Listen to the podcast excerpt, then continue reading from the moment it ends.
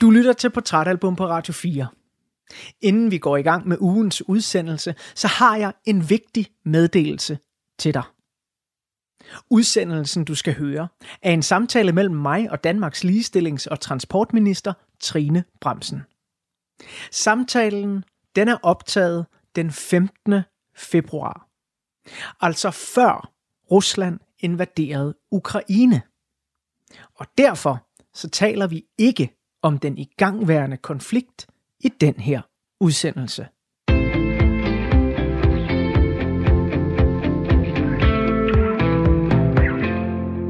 I den her udgave af Portrætalbum.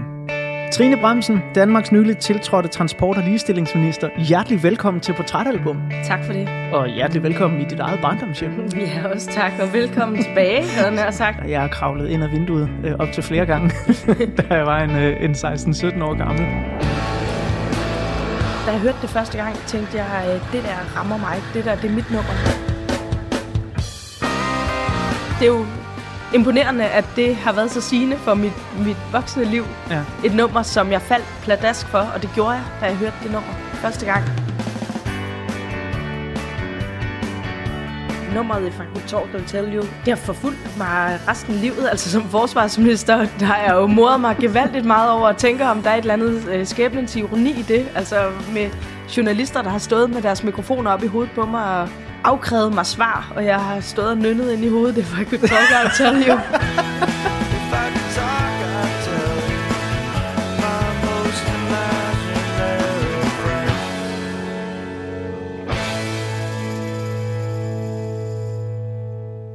Rigtig hjertelig velkommen til Portrætalbum.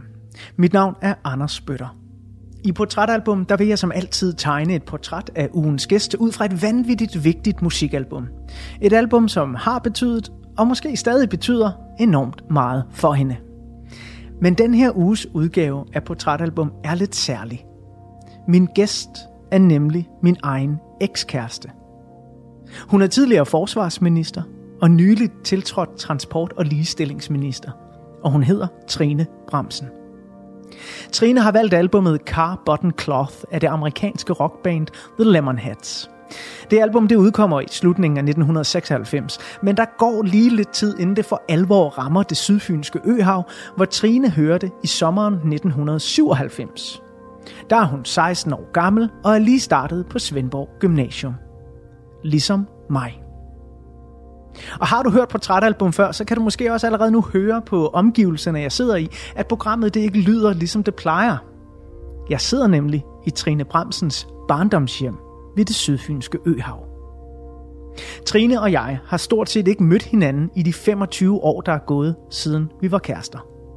Så når jeg skal tegne et portræt af Danmarks transport- og ligestillingsminister, så tegner jeg altså samtidig et portræt af min egen ekskæreste, et par af vores fælles oplevelser, og måske også en del af mit eget liv, som jeg ikke husker særlig godt. Det hører nemlig også med til den her historie, at jeg var ude for en trafikulykke i 1996, som ikke bare kostede mig synet på mit ene øje, men også gav mig en meget voldsom hjernerystelse. Og det gør blandt andet, at der er rigtig mange ting, jeg ikke husker fra det år, jeg nåede at gå på Svendborg Gymnasium. Men altså, det seende øje på bolden, ikke? Jeg skal jo naturligvis først og fremmest tegne et portræt af mennesket bag Danmarks nye transport- og ligestillingsminister. Det sagt, så kan jeg naturligvis ikke afvise, at der i den her udgave af portrætalbum vil være lidt mindre musiksnak, end der plejer, og måske komme en enkelt røverhistorie mere fra mit eget ungdomsliv, end du er vant til. Og inden du skal høre den første samtale mellem to ekskærester, der altså ikke har set hinanden i 25 år, så får du lige en lille bid musik fra The Lemonheads syvende studiealbum Car Button Cloth. For hvis du ikke kender bandet, og du aldrig har hørt om albummet før, så er der måske alligevel en lille chance for, at du kender det her nummer.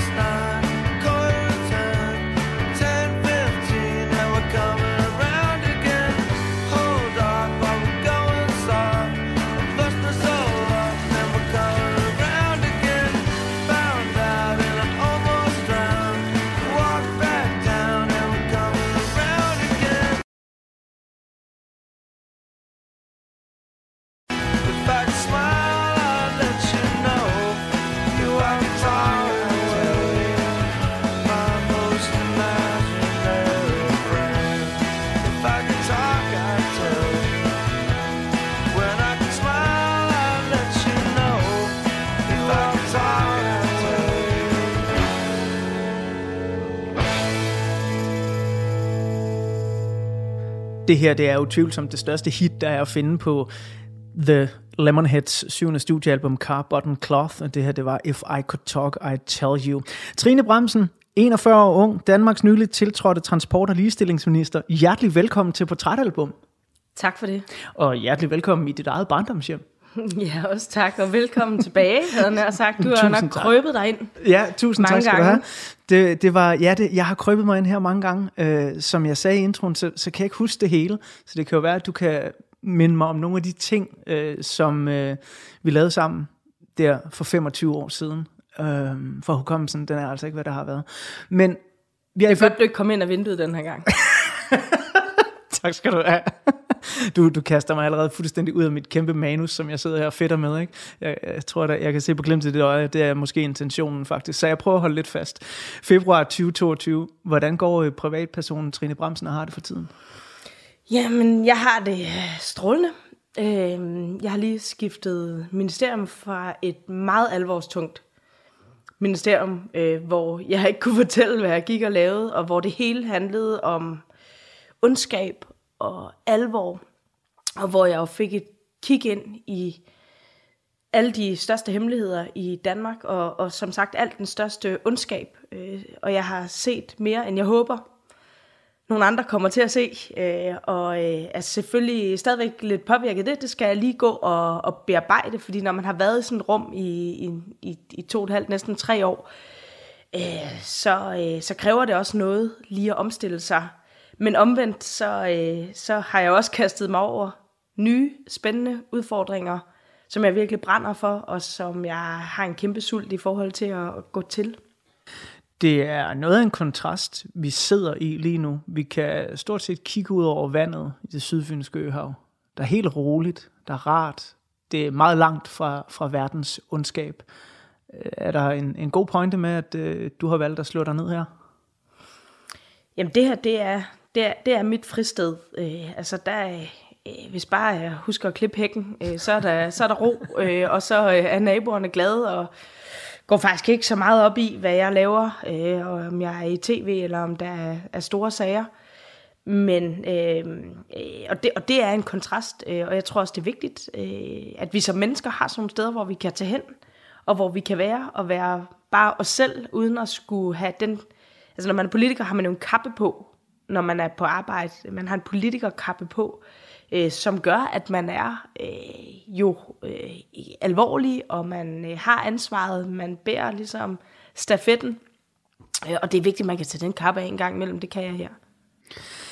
Inden vi går i gang med at tegne et portræt af dig øh, som ung teenager i 1997, øh, så bliver vi jo så lige lyn hurtigt nødt til at, at runde de sidste par ugers begivenheder i dit arbejdsliv øh, for Mette Frederiksens regering. Fordi det skal jo ikke være nogen hemmelighed, at da jeg kontaktede dig for at høre, om du ville være med her i portrætalbum, øh, så var du stadig forsvarsminister. Og dagen efter vi snakkede sammen, så bliver du udnævnt til ny minister for transport og ligestilling, og du fik i øvrigt konstateret corona øh, lige omkring den tid.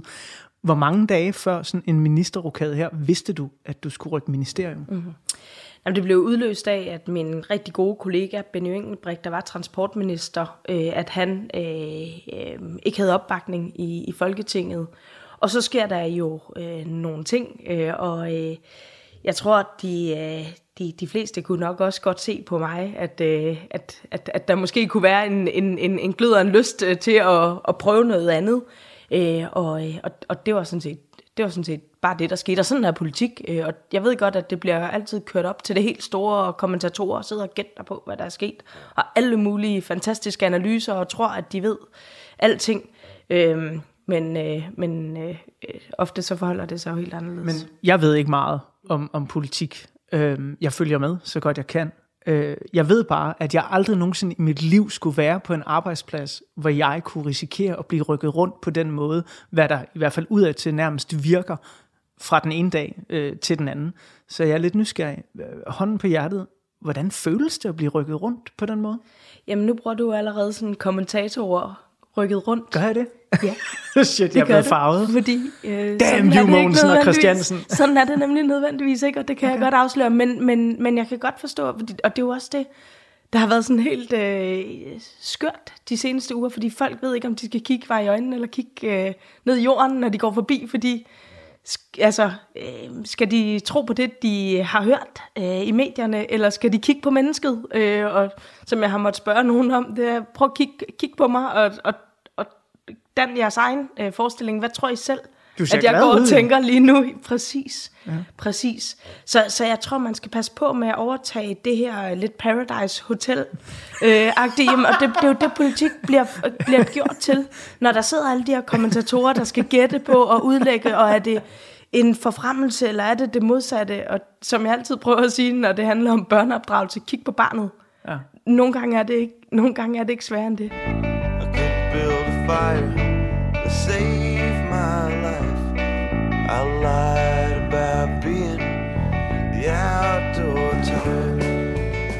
Du ser ud til at værne rimelig meget om dit privatliv. Der er ikke vildt mange artikler derude, hvor man ligesom kommer hjem til Trine Bremsen med ude og hjemme eller sådan noget. Øh, så for lige at lave en journalistisk uvending, hvorfor kan vi sidde og snakke mm. her, og øh, hvorfor har du valgt at sige ja til, at jeg må komme ind i øh, dit barndomshjem? Men det har du ret i. Jeg har sagt nej til stort set alt, øh, hvad jeg er blevet tilbudt. Og måske det også, det vil der sikkert være, være nogen, der sagde, at det var en fejl. Fordi det gør, at folk øh, kender mig fra øh, skandalesagerne, eller øh, som jeg har skulle håndtere, eller det politiske indhed, øh, indhold. Der er ikke nogen, der ved, hvem, hvem jeg er som, som menneske. Øh, politik er et sted, hvor rigtig mange skal have en holdning til en, og, og det må de gerne have på, på, øh, på, på indhold.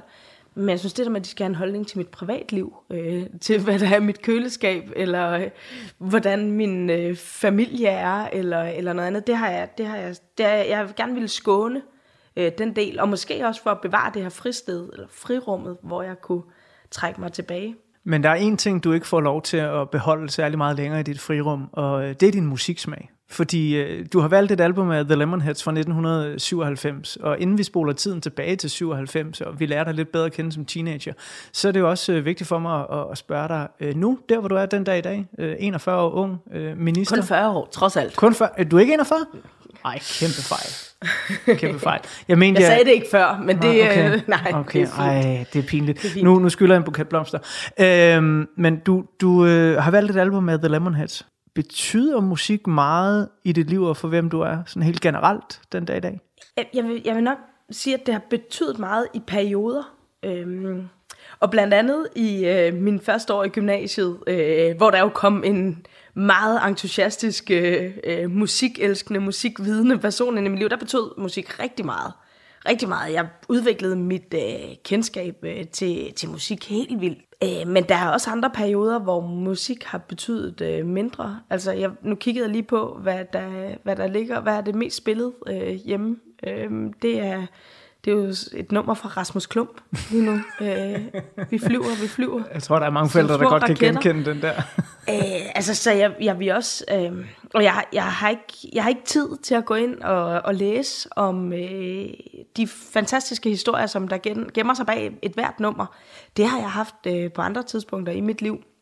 Og været dybt dedikeret, altså fulgt med i, hvad der kommer nyt.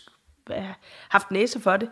Den, det har jeg ikke lige nu. Det kan være, det, det kommer igen, det gør det nok. Øh, så jeg tror også, at det går lidt op og ned, hvor meget øh, tid der er til at, at sætte sig ind i, i, i musik. Og så kommer man måske til at falde lidt tilbage til, til noget af det, der så har haft betydning. Det tror jeg i hvert fald, det gælder for mig. Det, der har haft betydning i andre perioder af livet. Måske også for at, at finde, når man har et hest- hestblæsende arbejdsliv, så finde en tryghed i musikken i forhold til, at, øh, at der er i hvert fald noget, der er konstant, og som der, øh, som der giver mening.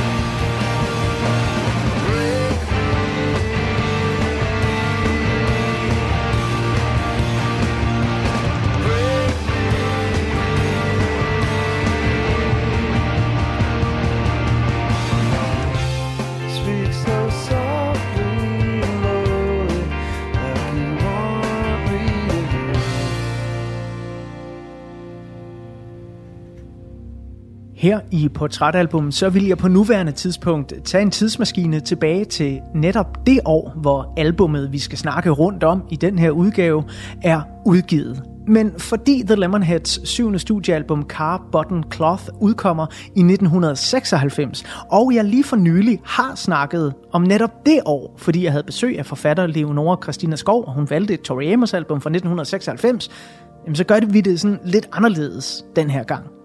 Derfor så vil jeg nu spole tiden tilbage til 1997, hvor Trine Bremsen hører The Lemonheads for allerførste gang. Og så vil jeg ud fra korte overskrifter tegne et portræt af den samtid, som vi går og hører The Lemonheads i. 1997 er et år, hvor der findes delløsninger på en række længerevarende storpolitiske konflikter. På Palæstinas vestbred overdrager det israelske militær sit militære hovedkvarter Hebron til palæstinenserne. Overdragelsen overværes af den politiske leder Yasser Arafat, som har været i eksil i de 30 år Israels besættelse af Hebron har varet. Et helt andet sted i verden, nærmere bestemt i Østasien, der slutter 156 års britisk styre over Hongkong-regionen, som nu bliver overdraget til det kinesiske styre. Og det er en overdragelse, som har kastet Hongkong ud i flere forskellige turbulente perioder. Now said Governor Patton it was time for Hong Kong people to seize their own future. After that, emotion could no longer be contained.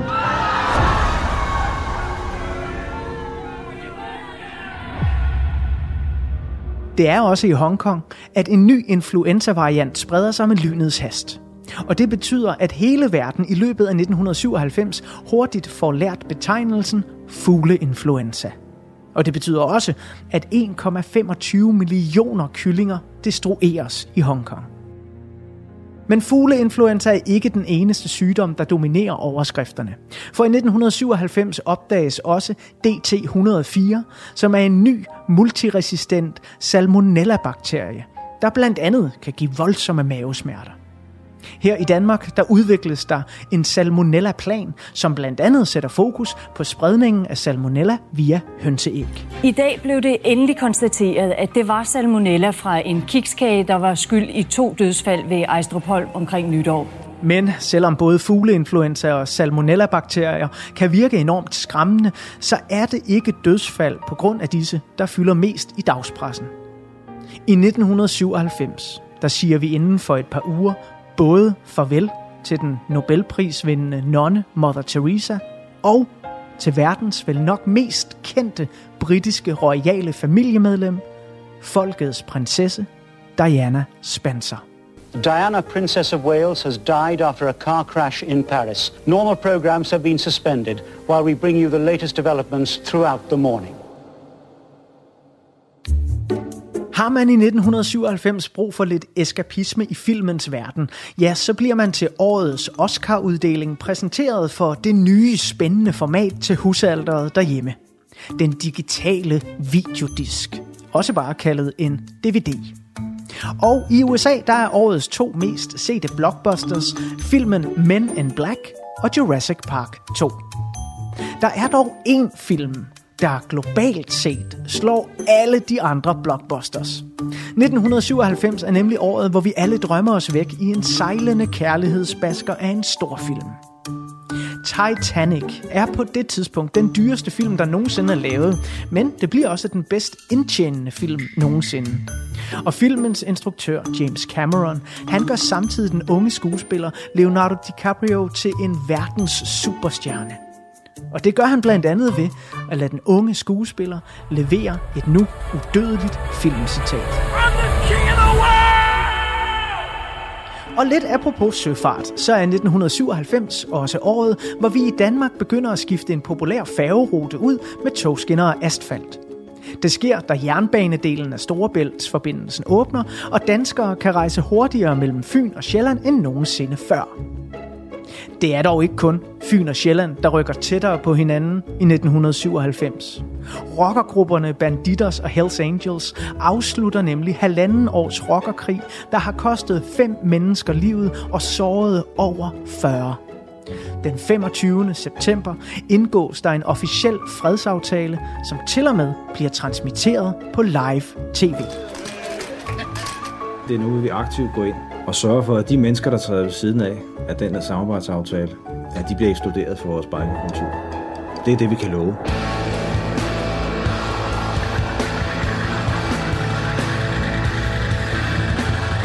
Og alt imens disse skældsættende begivenheder finder sted, så er Danmarks nye transport- og ligestillingsminister Trine Bremsen netop påbegyndt sit nye liv på Svendborg Gymnasium. Hun er 16 år gammel og holder meget af bandet The Lemonheads. Og det her, det er et af de numre, som hun husker rigtig godt.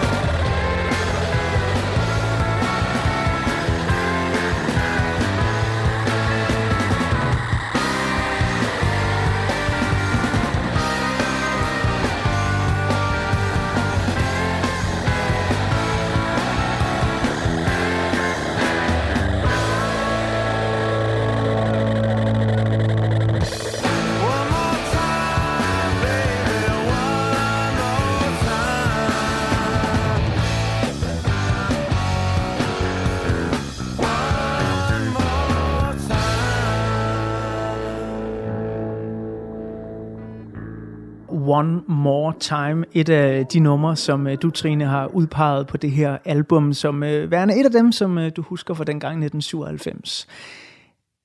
Nu er vi tilbage i den der tid, hvor du starter på Svendborg Gymnasium, og der jo starter et helt nyt liv for dig. Du kommer fra den lille ø Turø, og nu skal du til det store fastland Fyn. Hvem var Trine Bremsen i 1997? Jeg husker det som, at der var sådan øh, flipperne, og så var der øh, poptyserne. Det var meget, og det var meget vigtigt, hvad man, øh, hvad man, hvad man tilhørte. Og jeg var sådan øh, en del af flipperne, der gik i fløjelsbukser.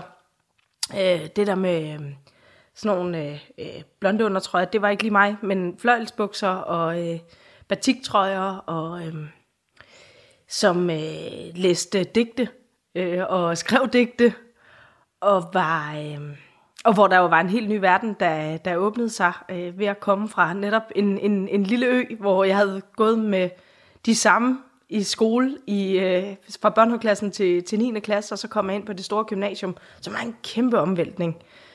Øh, både fordi det var øh, fagligt spændende, nye fag, lærere, der havde øh, nogle helt andre perspektiver på tingene. Nogle ting var også svære.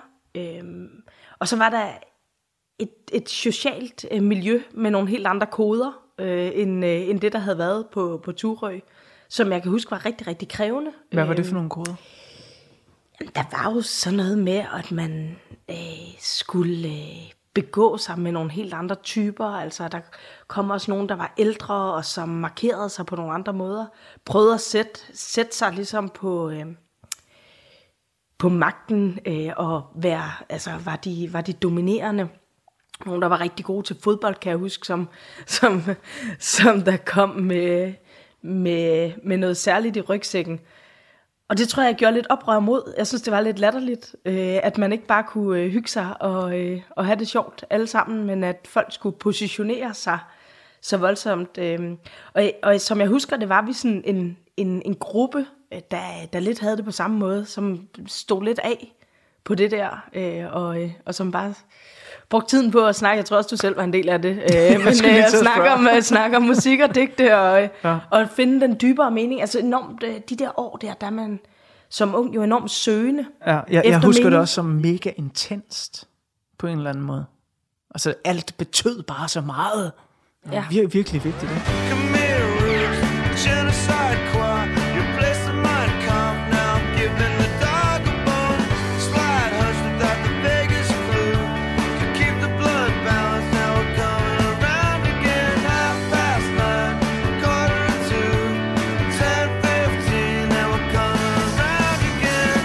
På det her tidspunkt, øh, der hører alle jo øh, mange forskellige typer af musik også. Det er jo også en del af identitetsskabelsen i de år her.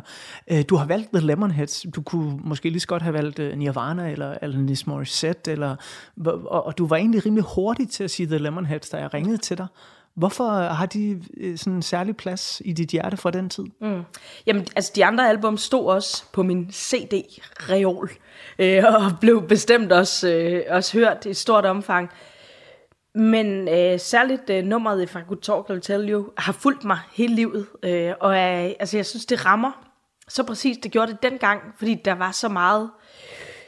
Dengang lå jeg inde med så mange tanker, som jeg synes var svære at sætte ord på, og det var vel også det, den søgen øh, og alt den digtelæsning handlede om. Øh, og jeg, jeg husker det som en enormt dyb tid, hvor når vi var når vi var sammen, øh, også da vi var sammen, det var en- enormt intens, og det gik lige på, øh, på og hårdt med de store filosofiske samtaler og meningen med livet og øh, analyser og alting. Øh, og det var så svært at finde, øh, altså finde ordene i den der søgen. Øh, der var mange af dem, men hvad var de rigtige ord?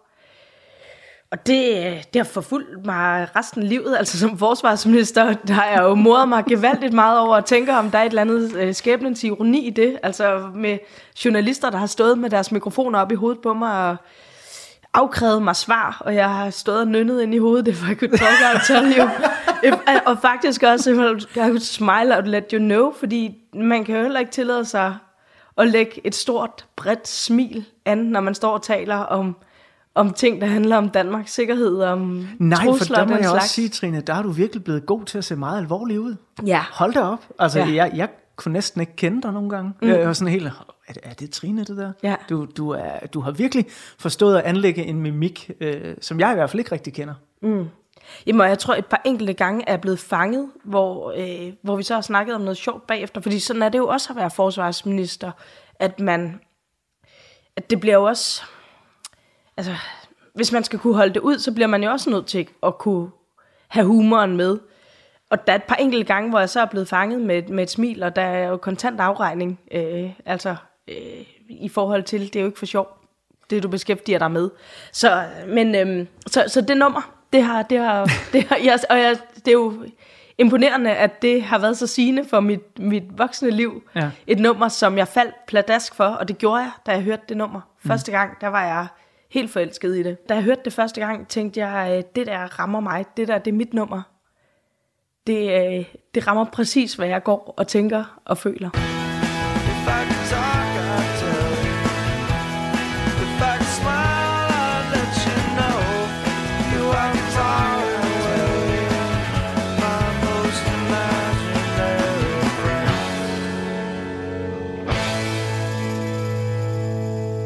Nu øh, sidder vi jo i dit barndomshjem, øh, hvor du allerede øh, har afsløret, at jeg er kravlet ind ad vinduet øh, op til flere gange, da jeg var en, øh, en 16-17 år gammel. Men i dit barndomshjem og med din opvækst med dine forældre, fyldte musik meget der? Altså jeg tror, det er lidt en anden måde at spørge på, om du kom fra et klaver, øh, hjem med klaver, men, men mere sådan, blev der spillet musik? Ja, det gjorde der. Altså, der har altid været en radio, der kørte i, øh, i baggrunden, men jeg er ikke blevet sådan bredt introduceret til de gamle klassikere, eller øh, vi har ikke diskuteret musik øh, på den måde, men der har altid været musik som sådan en baggrundsbeat øh, til, øh, til, til alt, hvad vi lavede. Øhm, og øhm, altså, jeg, jeg tror, øhm, øh, mine forældre er sådan meget standard, altså, øh, og har set alverdens musicals, og, øh, som de, hvor de så har købt øh, CD'en i, øh, i souvenirshoppen bagefter, og så har vi hørt den et, et halvt år efter den musical. Jeg tror meget, meget standard, øh, så det, altså, det er ikke sådan øh, finkulturelt på den måde, men, men, øh, men, øh, men der har været en interesse for musik, og, og, og det har været der musik. Så jeg tror, et baggrundsbeat er nok øh, det rigtige ord for, hvad, hvad det har betydet. Da vi snakkede sammen i telefonen øh, inden øh, den her udsendelse, der øh, sagde du noget, eller øh, at, at, øh, at jeg havde lært dig meget musik at kende øh, på det tidspunkt. Øhm, og det overraskede mig meget, for mm. det må jeg ærligt om, det er også en af de ting, jeg ikke helt kan huske. Mm. Øh, og jeg husker mig selv som, når jeg ser tilbage på det, måske værende sådan lidt ulideligt musiksnobbet. øh, sådan en, en rigtig know-it-all type. Hvad, hvad, hvad, hvad pushede jeg dig på på det tidspunkt? Men du var ikke spor snobbet. Nå, Du var ikke spor snobbet, men Sådan havde bare jeg en øh, stor dedikation og en øh, et stor viden også, som jeg jo synes var rigtig interessant. Øhm, og, mm, altså en dag stod der en stor guldpakke ude på min trappetrin, ude på min trappetrin. Kæmpe guldkasse, fyldt med CD'er for mig? fra dig. Nej. Fyldt med CD'er. Øhm, som, øh, og som CD'er, som du synes, jeg skulle have. Nej. Du var en god kæreste. Og en, Ej, og en shit. Hvad, kan du huske, hvad der var i? Altså, jeg, jeg, jeg, er ked af det. det jeg, jeg ved ikke, om det er er hjernerystelse, eller hvad det er. Det er der sikkert nogle læger derude, der kan gøre mig klog på. Ja, jeg kan simpelthen ikke huske det overhovedet. Jeg tror, at det var din mor, der havde kørt over for at sætte den af i, og det var, det var øh, sne. Det var virkelig voldsom sne. Og I havde kørt helt fra Tåsinge til Turø for at sætte den her store, kæmpe kasse med CD'er. Der var blandt andet Race Against the Machine, kan jeg huske, var der i.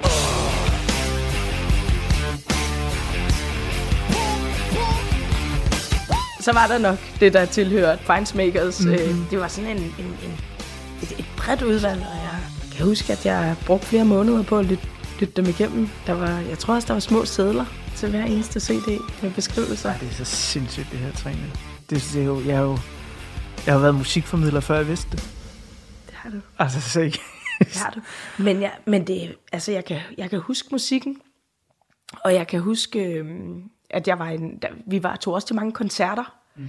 med sådan nogle øh, pop-up bands Ja. øh, fra, så, som øh, ja, mange af dem er nok mest bare ind som familiefædre, der Ja, sidder jeg- og synger. jeg, øh, ja, jeg, var, jeg var manager for et band, det kaldte jeg i hvert fald mig selv, der hed Heterofoni, som stammede fra min efterskole. Uh, dem tror jeg, jeg har slæbt dem med til en gang eller to. Det tror jeg rigtigt. Nok, nok også bare for at fylde salen på en eller anden måde. Men, øh, men, men, men, jeg, men det jeg faktisk mest husker, det var samtalen om teksterne. Ja. Og det hænger jo meget godt sammen med det her øh, digtelæsning, og øh, at vi selv skrev digte. Jeg ved ikke, om du skrev digte, det gjorde jeg Jo, i hvert fald. jo, jo. Kilometervis. Øhm, jo, det gjorde du, fordi du var i det elektriske barometer, Ja. hvor jeg... Øh, Det var jeg nemlig. Jeg fik øh, radioprogrammet Det Elektriske Barometers frimærkelegat, øh, som jo var en, en sindssyg ting dengang, fordi det kostede mange penge at sende postkort og øh, breve ind til Det Elektriske Barometer, hvis man var så ihærdig en forfatter, som jeg var.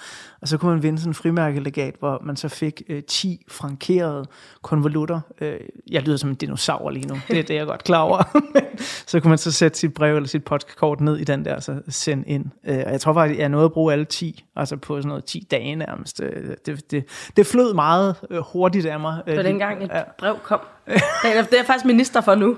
Det er Gud, Gud, ja. posten, så det, Det, sk- mm, der må du lige øh, skrue på nogle knapper, så man igen kan få et brev frem øh, på en dag. To let you know you knew what you were looking for. I lied until I fit the bill. God bless the great indoors. I lied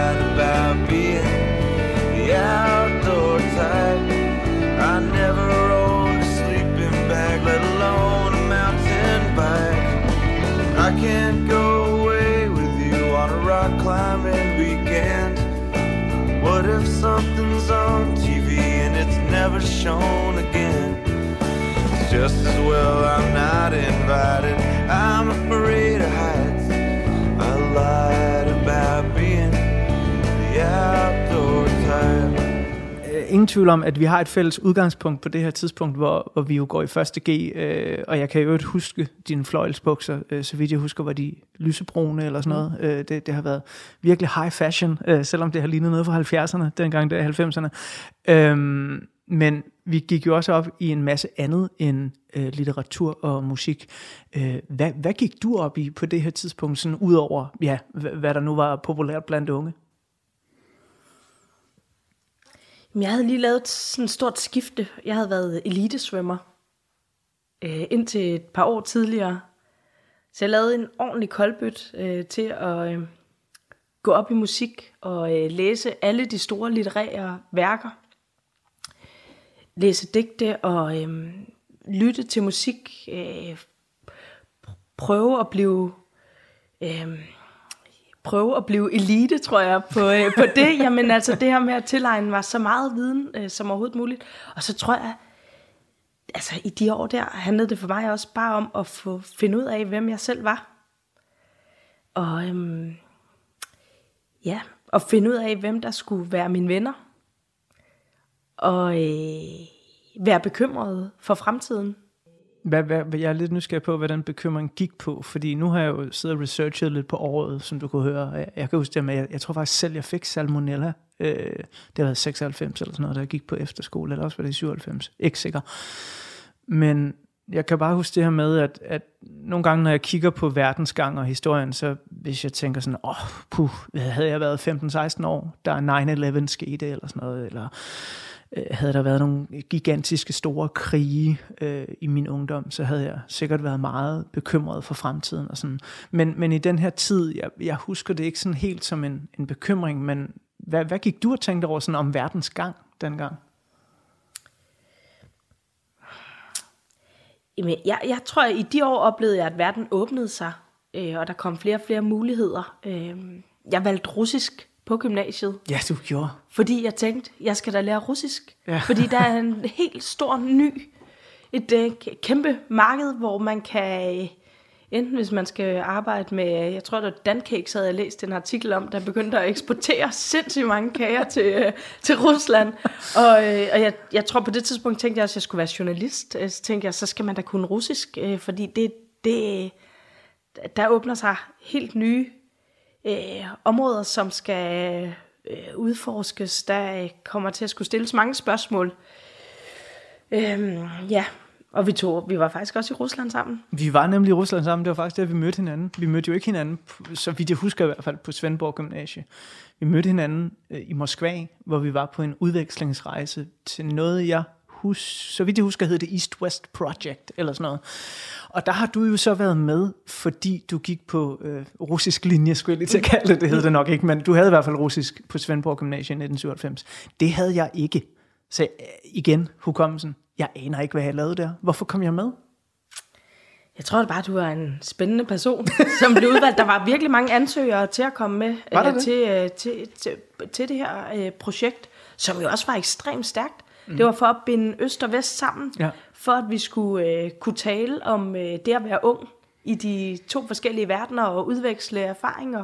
Vi boede ved, øh, ved unge russere. Ja.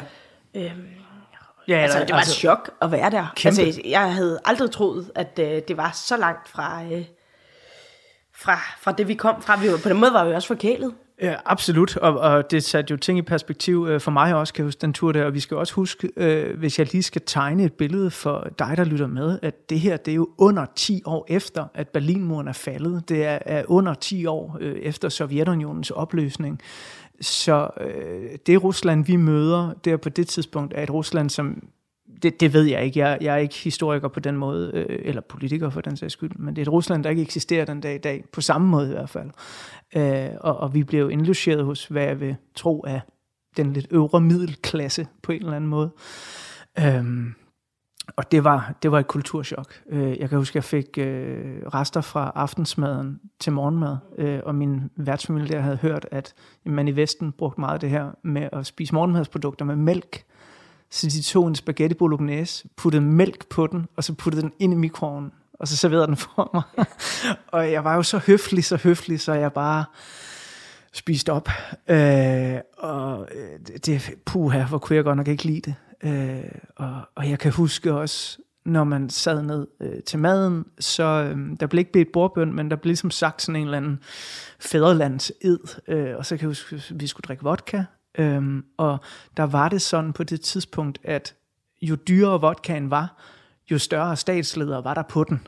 Så jeg vidste godt den sidste aften, hvor vi var i Moskva, og jeg skulle sige farvel til min værtsfamilie, at da den vodka med Lenin kom frem, så var det noget særligt. Altså, der fik vi et, et festmåltid, hvor der jo et øh, løb en kakelak hen over min salat. Det er kalakkerne, kakelakkerne, husker jeg så tydeligt. De var bare alle vegne. Øhm, og så, øh, så husker jeg faktisk også, at vi, det var, at de gjorde sig virkelig umage for, at vi skulle have noget ordentligt mad at spise. Og- Men vi endte jo med, Steff Holberg havde lige åbnet øh, nogle pølsevogne, og vi, vi, vi spiste pølser hele den her uge, og vi endte med at skrive takkebrev til Steff Holberg. Mm. Og de gav os, øh, de gav os, de gav os øh, sådan nogle vouchers, så vi kunne Ja, øh, det gjorde de.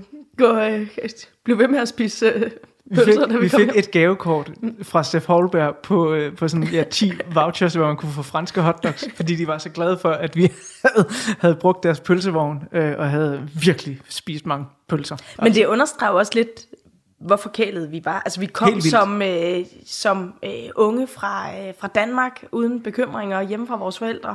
Og det er det, vi kan huske. Mm. Det er, hvad vi fik, fik at spise, og det var dårlig mad. Ja. I stedet for alle de, altså jeg tror, det står ret klart for mig også, hvad, hvad der øh, også var i samfundet, og det her med, at der ikke var butikker, og der var mange ting, der ikke fungerede. Mm. Skolen, der var enormt øh, gammeldags. Vi gik jo på, på gym, gymnasiet ja. øhm, i Moskva. Ja, det er rigtigt. Øh, og øhm, ja, det- hvor det hele var faldefærdigt, ikke? Ja. Og øh, Og vi var i operan sammen. ja, Øh, rigtigt. der flettede vi fingre for første gang. Ja, det er rigtigt. til en opera. Jeg kan huske, hvad det var for en opera. Men, øh, men jeg kan huske, at jeg var sådan... Jeg var både lidt skræmt over netop, at det var så faldefærdigt. Øh, vi var trods alt i Moskva, ikke? Men, men jeg, der var også en eller anden sådan tabt skønhed over det på en måde. Noget, der engang havde været så stort og så øh, prangende, for det kunne man jo se, det var. Og det var meget større end noget, vi nogensinde havde oplevet i det sydfynske øhav. Øh, og den oplevelse, tror jeg for os begge to, har, har sat nogle, øh, nogle ting i gang, som, som måske har skubbet os videre i livet. Øh, og det, øh, det skal vi helt sikkert snakke øh, mere om senere. You gotta stay out late. You gotta stay in bed.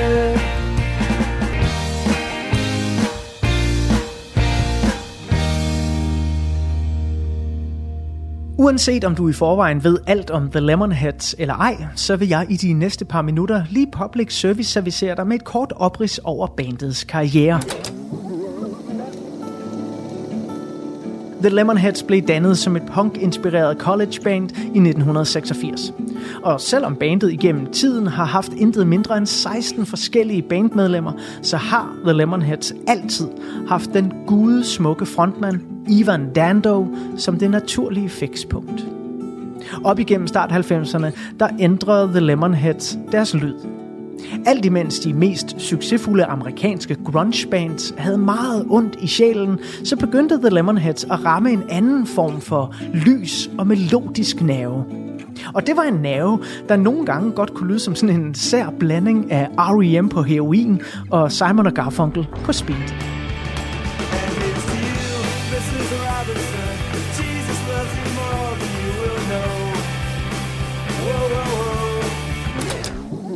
Stofferne fyldte meget i Ivan Dando og The Lemonheads kaotiske rockstjerne-univers. Op igennem 90'erne, der bliver Ivan Dando, til trods for hans sådan ret anderledes 90'er rocklyd, kaldt for The Golden Boy of Grunge af især den britiske presse. De idoliserer hans smukke ydre, hans vilde stofmisbrug og hans tæft for at skrive harmonier og fine rockmelodier. It's about about us, let's talk about me. Jeg husker tydeligt, hvordan jeg selv som en ung teenager kiggede længselsfuldt på billeder af frontmanden fra The Lemonheads og alle de smukke mennesker, han omgav sig med. Han datede skuespillere såsom Winona Ryder, modeller som Kate Moss og en af mine egne favoritmusikere fra dengang, Courtney Love. Jeg blev især fascineret af historien om, hvorfor The Lemonheads kom to timer for sent til deres koncert på Glastonbury Festivalen i 1995. Jeg læste nemlig i et musikmagasin, at det jo naturligvis var fordi Evan Dando lige skulle tage kokain, imens han havde en hed trækant med supermodellen Rachel Williams og den tidligere europamester i BMX-cykling, sangeren Alice Temple. My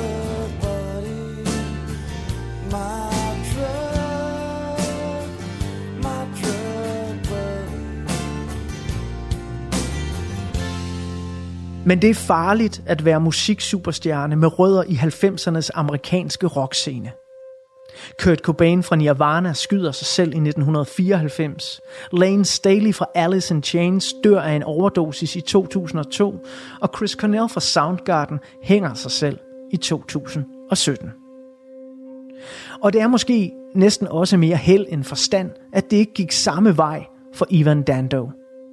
I 1995 bliver han anholdt i Sydney Lufthavn med blod ned ad sine håndled og massive mængder af stoffer i kroppen. Han havde abstinenser, var helt ude af den og bad angiveligt betjentene, der anholdt ham, om at hjælpe til med at lede efter hans sjæl, som var blevet taget fra ham ude i lufthavnens sikkerhedstjek. Welcome.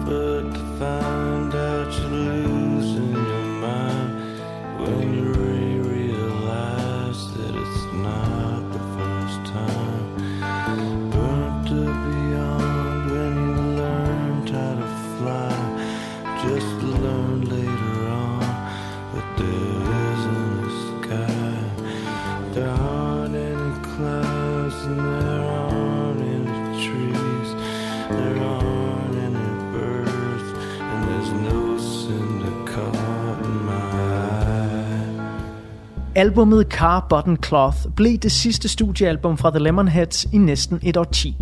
Deres comeback-album fra 2006, der bare hedder The Lemonheads, fik blandede modtagelser af både anmeldere og fans. Men albummet det beviste dog trods alt, at Ivan Dando overlevede 90'erne og stadig kan skrive sange med sin helt egen særlige jangle rockede signaturlyd.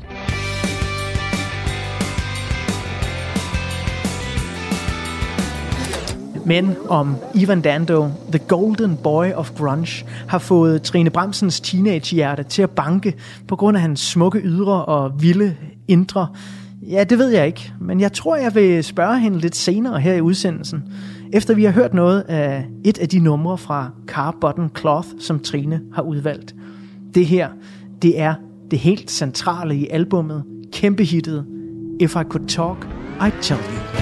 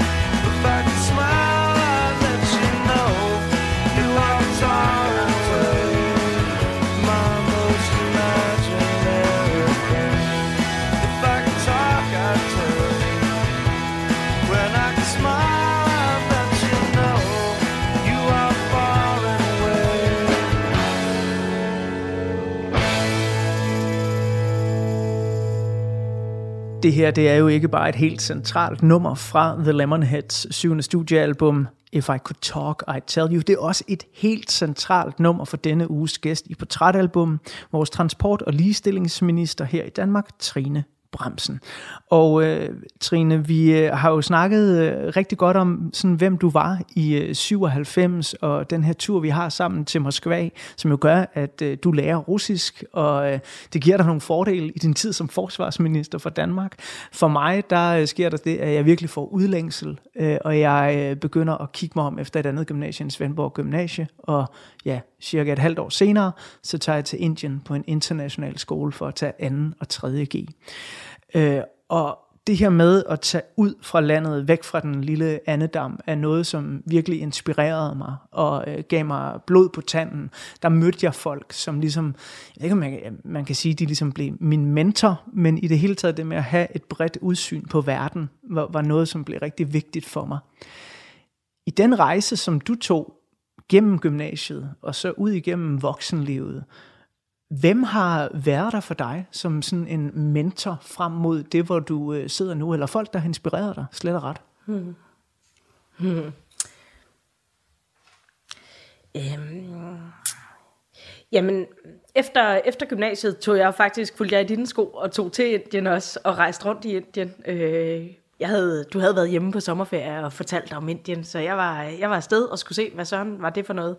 Og rejste også lige til, til Nepal og øh, rundt andre steder i, i verden. Øh, på det tidspunkt, der var jeg tilmeldt dansk og skulle læse øh, dansk på universitetet, men da jeg stod der, jeg tror faktisk, det var i Nepal, øh, der, der blev jeg ramt af, at hvad søren skal jeg øh, læse islandske sagaer for, når der er så mange mennesker i, i verden, der er ikke noget dårligt om islandske sager, men når der er så mange mennesker, der har det så dårligt i verden, når der er så stor forskel på, på piger og dreng. Jeg arbejdede på et børnehjem i en, i en periode i Nepal, hvor det var små piger, der var solgt til prostitution, som da, når bordellerne blev, blev rømmet, øh, så øh, kom de tilbage til, til Nepal og boede så på det her børnehjem her. Og nogle af dem kunne ikke tale, øh, nogle af dem kunne ikke gå. Øhm, og det ændrede mit, mit livsperspektiv øh, totalt, øh, og gjorde, at jeg måtte faxe hjem. Øh, det gjorde man dengang. Øh, faxe hjem øh, og bede min far, om, der havde fået en fuldmagt om at ændre mit, øh, mit studieoptag til samfundsfag øh, i stedet for. Øh, fordi jeg kunne mærke, der var et eller andet, øh, der, øh, et, et drive i forhold til at, at ændre verden, i stedet for at beskrive verden, øh, som jo var det studie, jeg først øh, havde, havde tilmeldt mig. Så gik jeg på øh, universitetet, der, der skete en, en hel masse spændende ting også. Jeg kom også ind og arbejdede på, øh, på koordinationen for, for kønsforskning. Jeg blev også øh, medlem af Frit Forum, en studenterorganisation, øh, og øh, jeg mødte nogle spændende mennesker, Øh, det gav mig en hel masse perspektiver. Men endte så med, at øh, da jeg skrev speciale, skrev jeg om, hvordan konsulenthus tager røven på det offentlige, som gjorde, at jeg blev tilbudt at arbejde i, i Deloitte, øh, et stort konsulenthus. Øh, og, og der mødte jeg de her mentorer øh, for første gang. Seje, dygtige, overskudsagtige ledere, som ikke var bange for at ændre tingene, øh, og som øh, tog fat på svære problemstillinger, øh, og, øh, og, og, og som, som lærte mig rigtig mange ting. Så det var en, en, en lang fortælling ind til, hvor jeg mødte øh, de her, der, der blev sådan ledestjerner for mig i, i, i livet, men de kom nok, nok først der i starten af mit arbejdsliv. Men det er jo stadig en fortælling, som i den grad virkelig går hånd i hånd med din nye stilling som ligestillingsminister. Ja. Efter lidt mere musik fra det album, som uh, Trine Bremsen har udvalgt, så kan du blive endnu klogere på, hvad der sker på musikscenen i 1997. Og du får også historien om, hvordan Ivan Dando, forsangeren i The Lemonheads, og Oasis-sangeren Liam Gallagher drak sig fulde og skrev et nummer sammen. Og når ja, så skal jeg jo også på et tidspunkt spørge, hvem er Trine Bremsen egentlig her i 2022?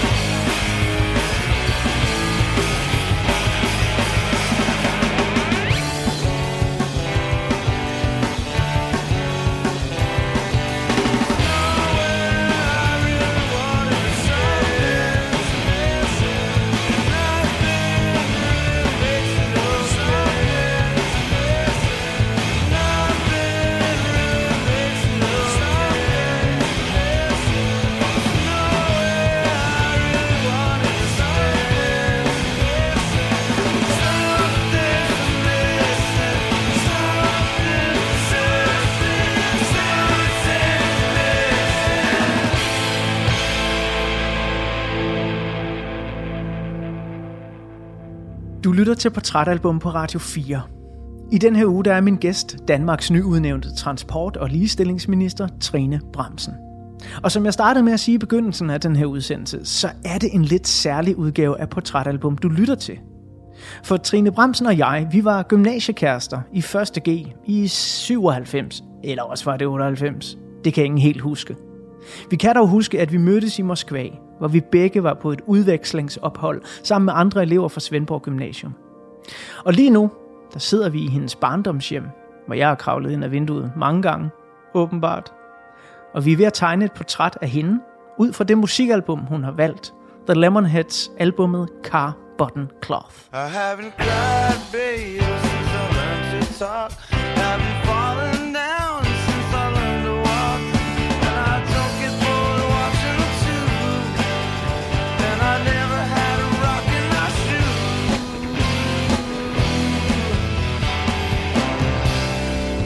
tried,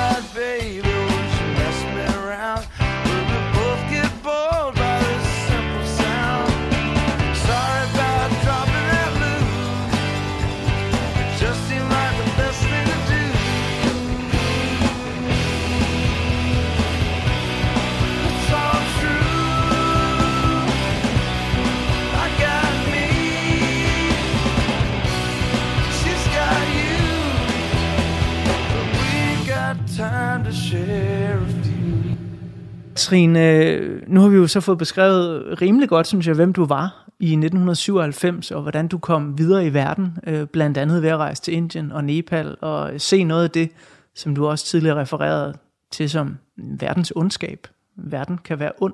Det er meget, meget, meget langt væk fra det turø, vi øh, sidder på nu og kigger ud over det stille og næsten meditative øh, vand.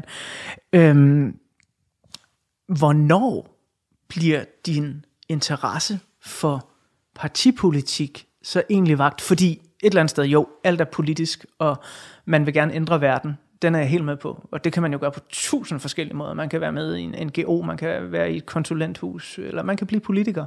Hvornår sker det, at du sådan ligesom begynder at gå den vej? Fordi så, som jeg husker dig fra 1997, så var du ikke medlem af et eller andet ungdomsparti, eller politiske foreninger, eller sådan noget. Nej.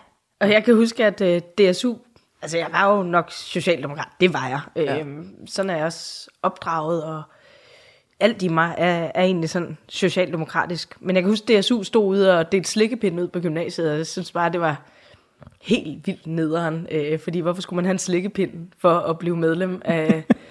af- altså det var så meget større, og jeg synes, øh, der havde jeg nok også lige fået filosofi øh, som, som fag. Altså jeg synes, det var meget større end, end, end det.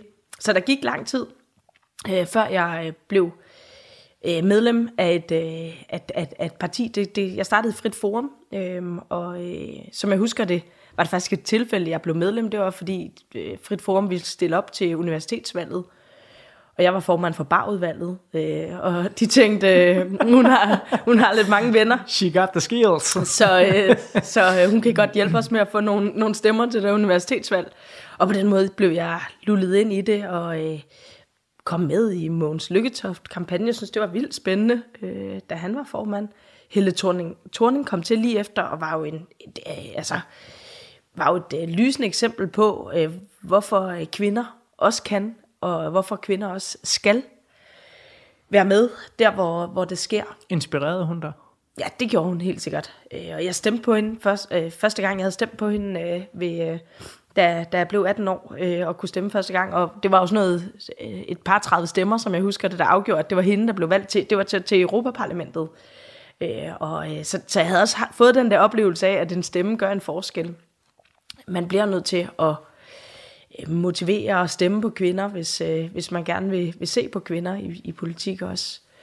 Øhm, men altså, det var først, da jeg arbejdede i Deloitte, og havde arbejdet der i, øh, i, i små fem år, at øh, den store finanskrise ramte.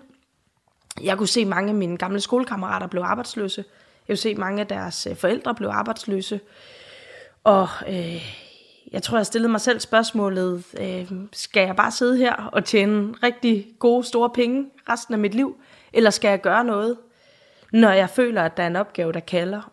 Øh, og lige samtidig begyndte der at være en del forskellige kredse rundt om i Danmark, der ringede og spurgte, om jeg ikke ville være stille op for dem øh, og derunder også øh, en kreds her fra Fyn, Odense kredsen, øh, der hvor mine bedsteforældre har boet øh, altid, så, som jeg kender rigtig godt. Og da de ringede, så tænkte jeg, det der, det er, det er, en, en, det er et tegn. det er et tegn, og derfor, øh, jeg, skal, jeg kan altid komme tilbage til konsulentbranchen eller noget andet. Det her, det, øh, det skal, det- den, den skal jeg løbe efter.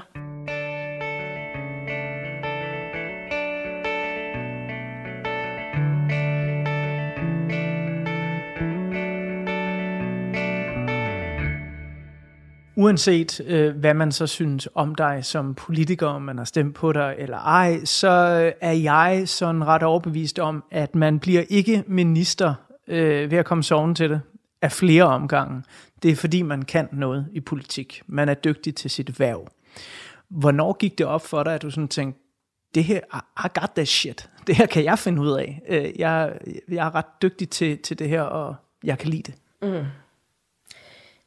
Jamen, det er jo egentlig, det er jo ret, det er et godt spørgsmål, du stiller, fordi det, det der har, øh, jeg har modet mig meget over, er, at øh, man kan komme med alle de skills, man har med fra tidligere, man kan have de bedste øh, karakterer, man kan være øh, en stjerne fra sit tidligere arbejde, men det øjeblik, man rammer politik, så er man en, øh, en, en inkompetent øh, alt muligt, øh, der er kommet direkte fra, øh, fra folkeskolen, må man forstå, ikke?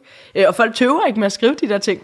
Øh, de gider ikke engang sætte sig ned og tjekke ens CV, øh, og at, øh, altså, jeg er jo en af dem, der kommer med erhverv, erhvervserfaring, men, men det bliver ligesom nulstillet, når man går ind i det.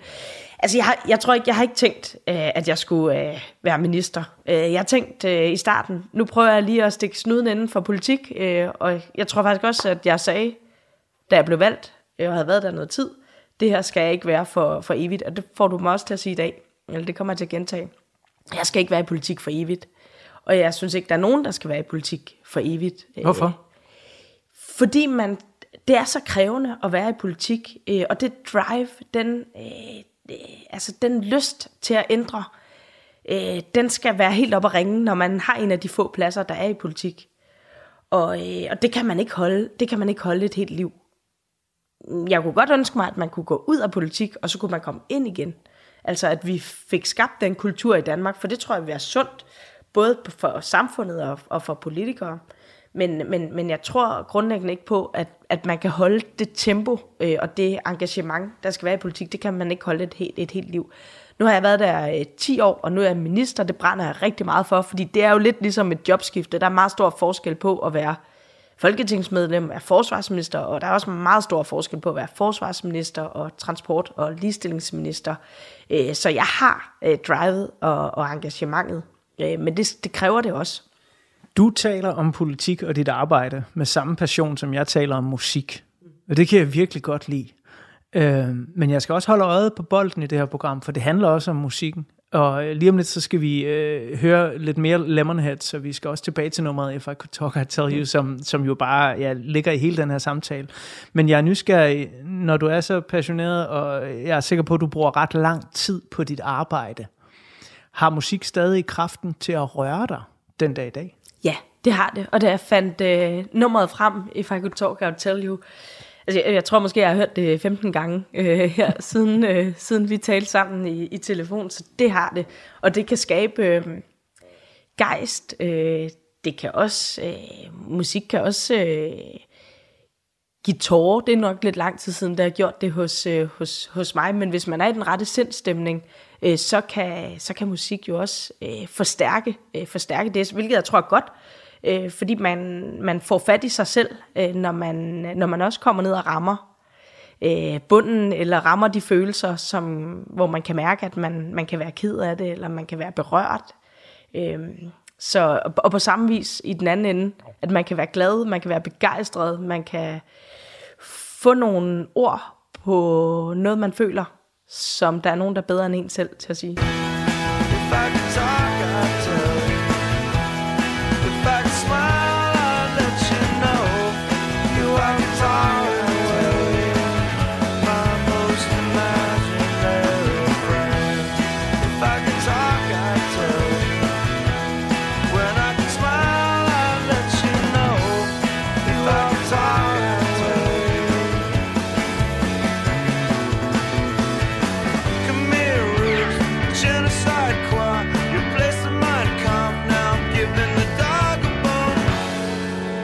Inden vi fortsætter snakken, så vil jeg endnu en gang lige spole tiden tilbage og Public Service servicere dig med et lille overblik over, hvad der skete i musikkens verden i 1997, som jo er året, hvor Trine Bremsen hører The Lemonheads for allerførste gang.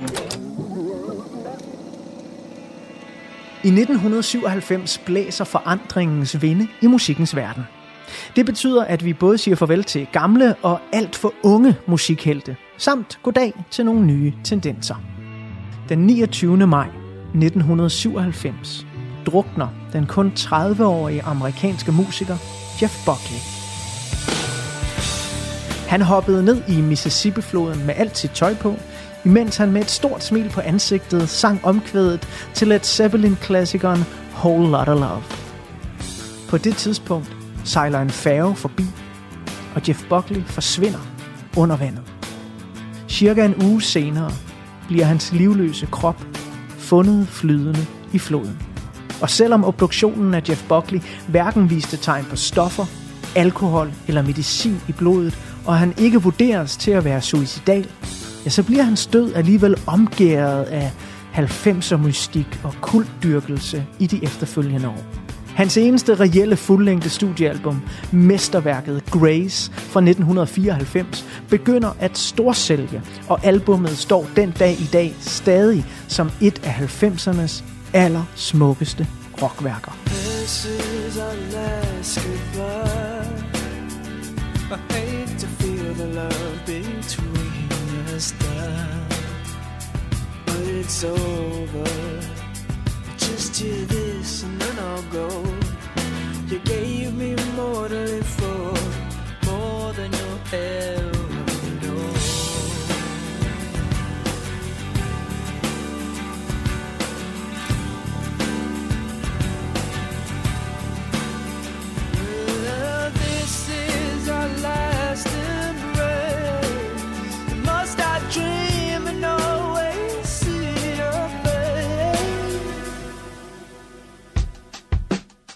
En anden af de store amerikanske kunstnere, som vi siger farvel til i 1997, i hvert fald i stort anlagte koncertsammenhænge, det er Michael Jackson. Han afslutter nemlig hans vanvittige History Tour, der har varet 82 koncerter, som er blevet opført i 35 lande på i alt fem kontinenter. Op imod 4,5 millioner mennesker har overværet den her koncertrække, som altså bliver Michael Jacksons sidste verdensomspændende turné. Og på History Tour, der kunne publikum blandt andet høre et af de mest kontroversielle Michael Jackson-numre nogensinde. Protestsangen They Don't Really Care About Us.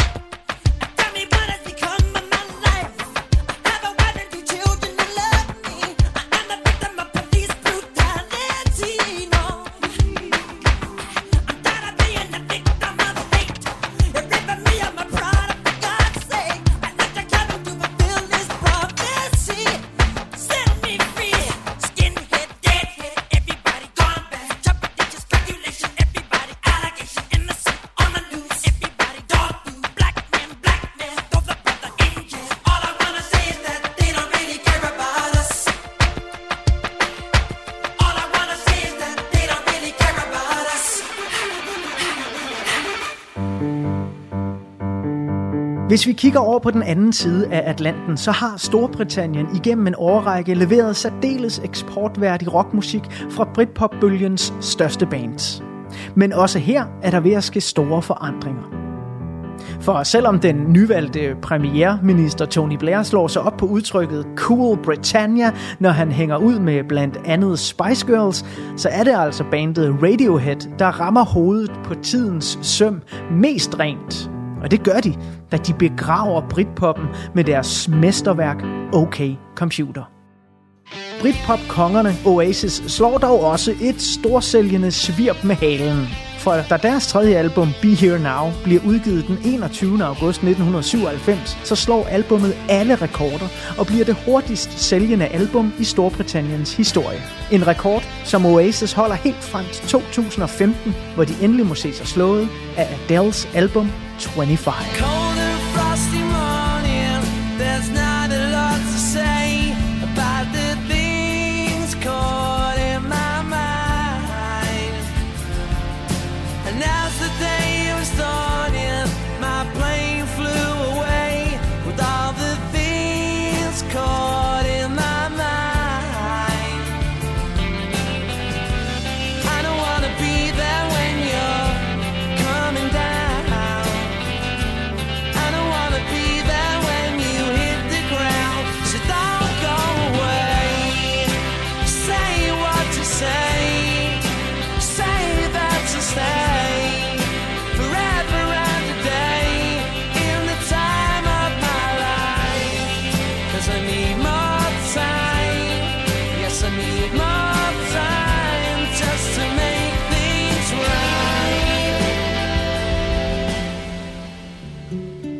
Det er dog en tragisk begivenhed, som giver den britiske musikscene den allerstørste eksponering i 1997.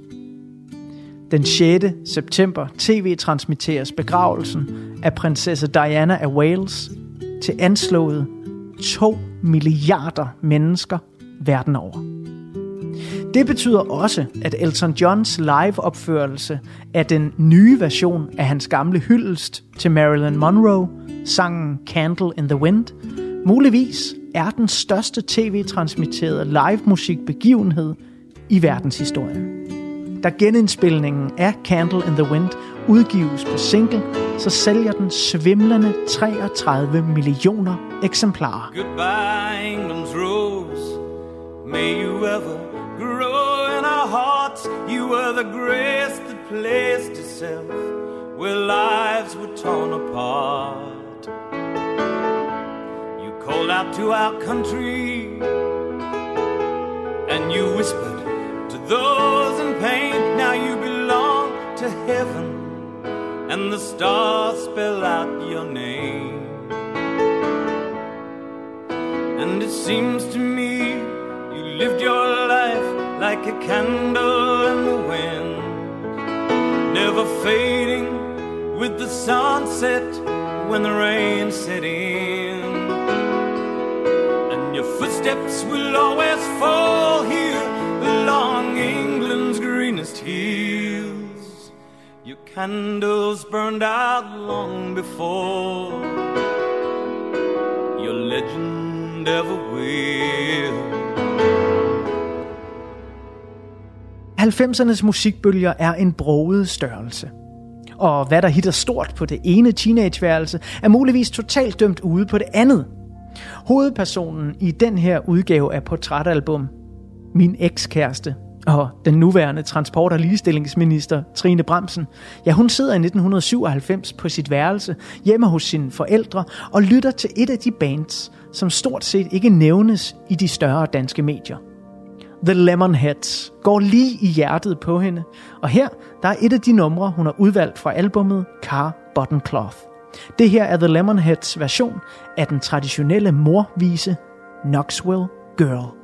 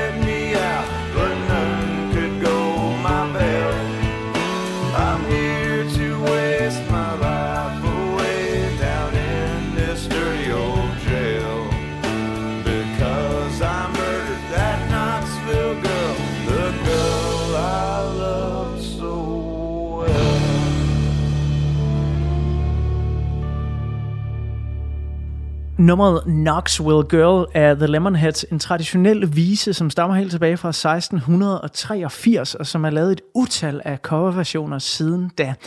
Jeg ved ikke, om du kender historien bag øh, det her nummer, Trine, øhm, men det er faktisk, og det vil du høre lige om lidt hvorfor, ret vildt, at du har valgt øh, netop det.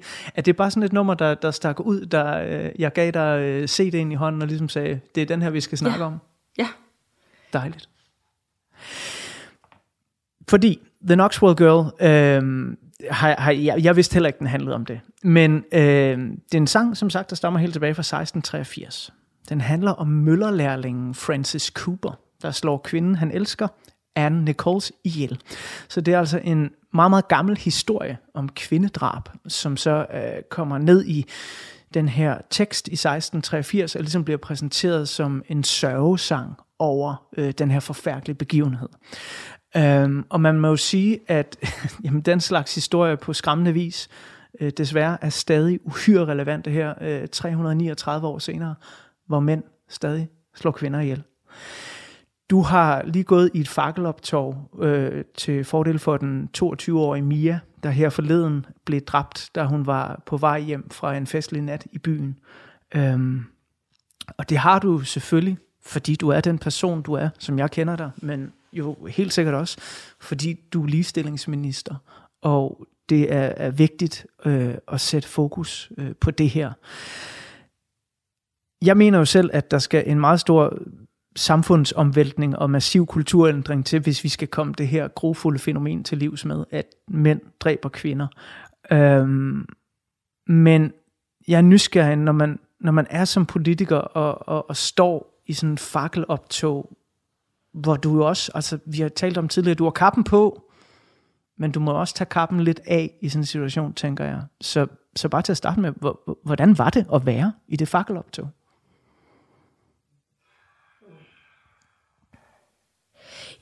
Der var mange følelser på spil. Øhm, jo først og fremmest en, en kæmpe medfølelse med Mia og hendes forældre, en familie, der lige nu gennemlever noget så, så traumatisk. Øh, det findes der jo ikke ord for.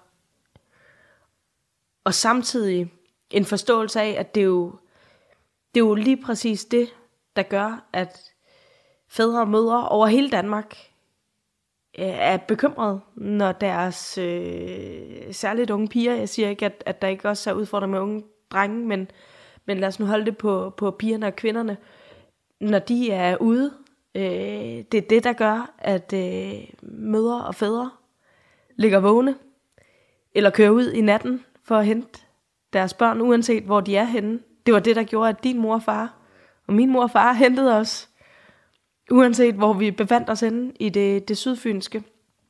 Så det, det, øhm, det, det, det er selvfølgelig den, den største delen af det.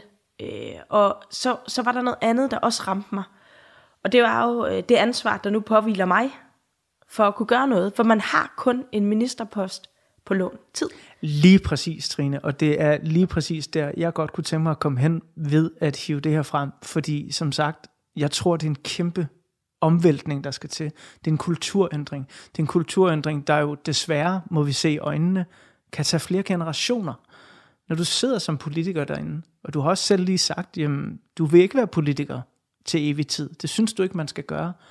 Men kan du så overhovedet gøre en forskel? Lad os forestille os, at du, det håber jeg ikke sker, men kun er ligestillingsminister et år endnu. Hvad kan du overhovedet nå at gøre ved det her?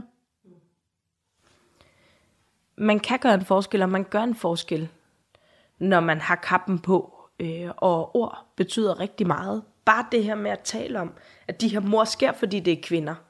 Den her utryghed er blandt kvinder. Det er helt afgørende øh, at få det sagt.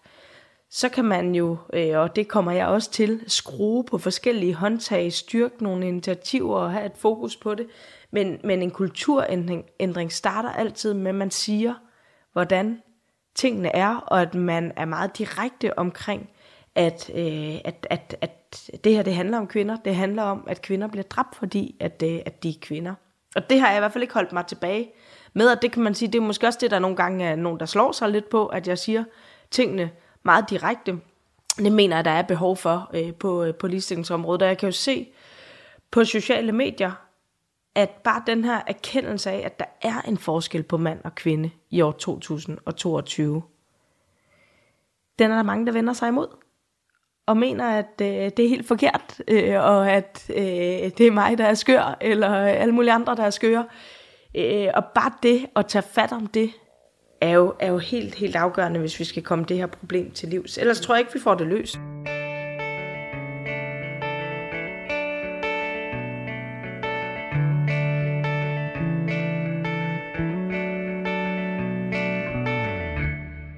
Kan du ikke være bekymret for, med, med den, altså, fordi du er jo på en måde også personligt investeret i det, kan man sige, og, og kan du ikke være bekymret for, at øh, du,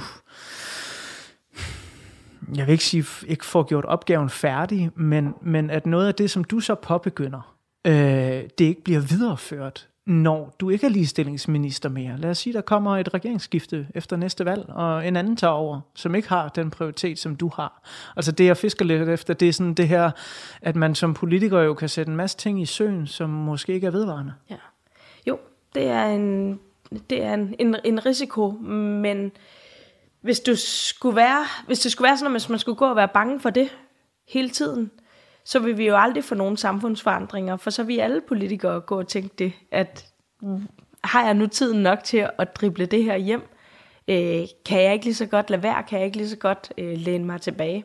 Og det er også en strategi som politiker. Jeg har valgt en anden. Altså jeg har jo valgt, og det gjorde jeg både som forsvarsminister, det kommer jeg til som transportminister, som ligestillingsminister, øh, og sætte ting i gang, være utålmodig for at skubbe på en, en udvikling, fordi det er den måde, jeg mener, man skal være politiker på. Er det den måde, man nødvendigvis bliver mest populær øh, på? Nej, det tror jeg ikke. Ja, det tror jeg ikke, fordi når man stikker næsen frem, så får man også nogle klaps over den. Man kan, altså, hvad jeg vil sige med det, er, at, at øh, jeg tror, at det i mange henseender er lettere at, at bare holde skåltalerne og ikke gøre noget, øh, ikke sætte noget i gang. Men, men, øh, men, men jeg tror altså på, at det er det rigtige, og så kan man bare håbe på, at man kommer til at ændre noget, også for dem, der følger efter en. Men øhm, ja, politik er jo ikke en popularitetskonkurrence, og så alligevel, for du skal jo have nogle stemmer, når der øh, bliver udskrevet et valg igen. Øh, og der tænker jeg, der kunne det være fristende at øh, lave noget hurtig lovgivning, sige, vi skal have mere overvågning, øh, sige, vi skal øh, have, have styrket øh, nærpolitiet ude i gaderne osv. Øh, men hvad er din holdning til øh, det forebyggende kontra det at reagere når skaden ligesom er sket. Fordi der må jo også være et pres på dig lige nu, som ligestillingsminister, for folk, der siger, gør noget, Trine, nu. Mm. Jamen, jeg bruger rigtig meget tid på at læse og snakke, drikke kaffe med dem, der har beskæftiget sig med det her gennem lang tid. Og jeg tror på, at det er en kombination af de mange ting, som skal føre til løsningen. Og det tror jeg i det hele taget er en politiker som mig vigtigste opgave, særdeleshed når man er minister, det er at være facilitator – Altså få alle de gode indspark ind, få hentet alle de, de, de gode idéer, og så gøre det til samlede pakker, for der er ikke én nøgle her. vi skal have fat i rigtig mange nøgler, og dels er der det, det øh, forebyggende, der tror jeg også, vi skal have, have fat i den måde, der tales om køn, der tales om, om kvinder på i nogle miljøer, og det er skræmmende. Og nu fortalte jeg, at jeg har været inde i, i noget af det allermest sorte, øh, allermest øh, onde, øh, og øh, jeg må desværre sige, at det jo står også i de seneste risikovurderinger, at, at kvindehad, kvindehad, miljøer, hvor kvindehad trives, øh, det er noget, vi ser. Og det bliver vi nødt til at have fat i. Hvor kommer det fra? Hvordan skabes det? Handler det om opdragelse? Handler det om, om social, øh, kulturel arv? Der skal vi ned have fat, men vi kan også gøre noget, når det handler om, om, om, om nattelivet, om trygheden i nattelivet, om at sikre, at øh, der for eksempel er, er busser, der kører hjem, øh, så man ikke øhm, øh, øh, skal, skal, skal være på gaden, at der er natteravne, at der er politi på gaden, øh, og, øh, og, og, og den slags. Der er en ting, jeg er nysgerrig på, fordi jeg ikke ved så meget om politik. Jeg vidste jo godt, da vi startede den her samtale, at du ville være helt vildt passioneret omkring ligestilling, fordi det er også sådan, jeg husker dig øh, fra vores helt unge år. Ikke? Øh, ligestillingsministeriet lå ikke sammen med Transportministeriet øh, før den her rokade. Har du øh, kæmpet for, at ligestillingsministeriet skulle komme over til dig i transport? Åh, oh, det kommer jeg jo aldrig nogensinde til at, at afsløre, fordi når jeg Nej, snakker smiler. med, med Danmarks statsminister, så er det jo mm. samtaler, der forbliver mellem mig og hende. Absolut. Men jeg vil sige det på den måde, at øh,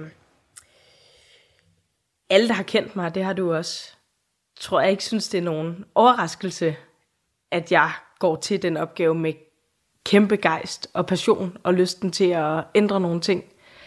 Og øh, en kæmpe en kæmpe ydmyghed i forhold til at, at nu stå med, med, med lige præcis øh, det job.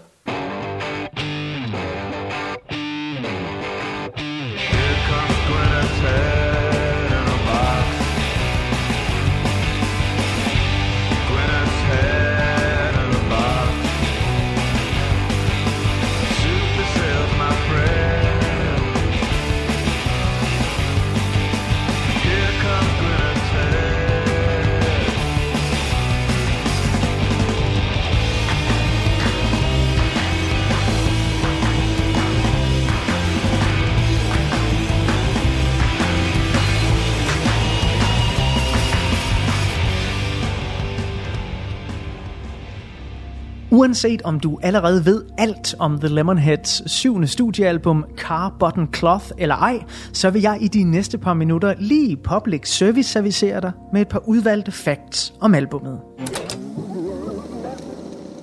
I 1996 der består The Lemonheads mere eller mindre kun af frontmand Ivan Dando, og han spiller også langt de fleste instrumenter på albummet selv.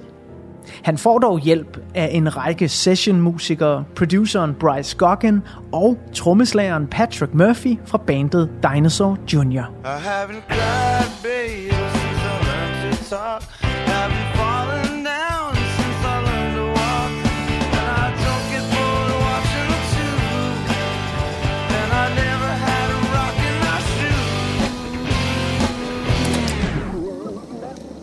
Car Button Cloth er det første Lemonheads album, der bliver indspillet efter Ivan Dandos totale sammenbrud i Sydney Lufthavn, hvor han bliver anholdt og sendt på afvinding.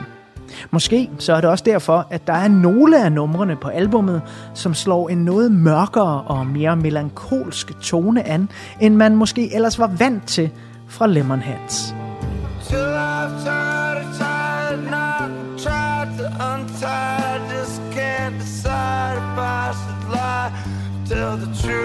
try to hide it.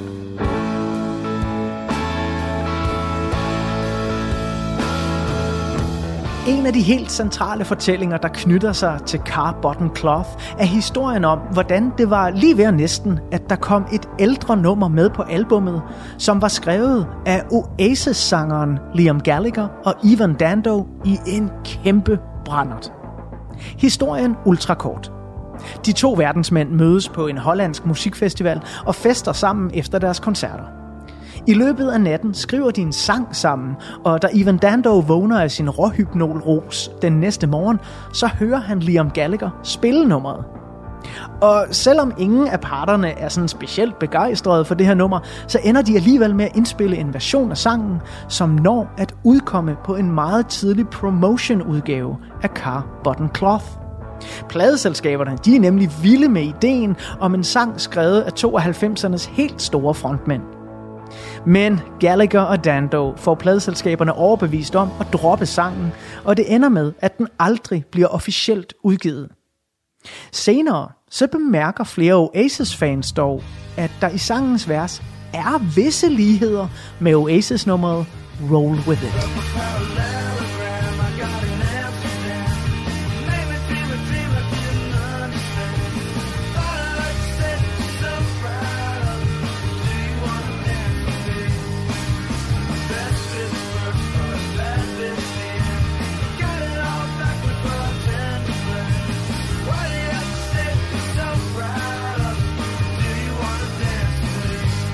Gonna make it easy.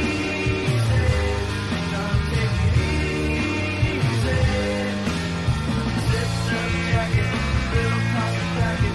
Say you wanna dance with me. Hvis ikke The Lemonheads havde udgivet et fint comeback-album i 2006, så var Car Button Cloth blevet deres svanesang. Da albummet udkom, fik det desværre ikke særlig gode anmeldelser, og det solgte ikke lige så godt som de to foregående albums Come On Feel the Lemonheads og It's a Shame About Ray. Men i årene efter udgivelsen, så fik albummet et loyalt følge af nyere fans, der gik på opdagelse i 90'ernes alternative rockscener. Normalt så er det jo min gæst her i Portrætalbum, der får lov til at udvælge alle de numre, vi skal høre. Men lige med det her album, så vil jeg tillade mig at vælge en af mine egne favoritter. Den lille perle Tenderfoot ligger i slutningen af albummet og lyder lidt som The Strokes, måske vi har lyttet, hvis de havde været et band fra midt-90'erne. Og så er der den der basslyd og de små grimme klaves i baggrunden. Det er helt perfekt.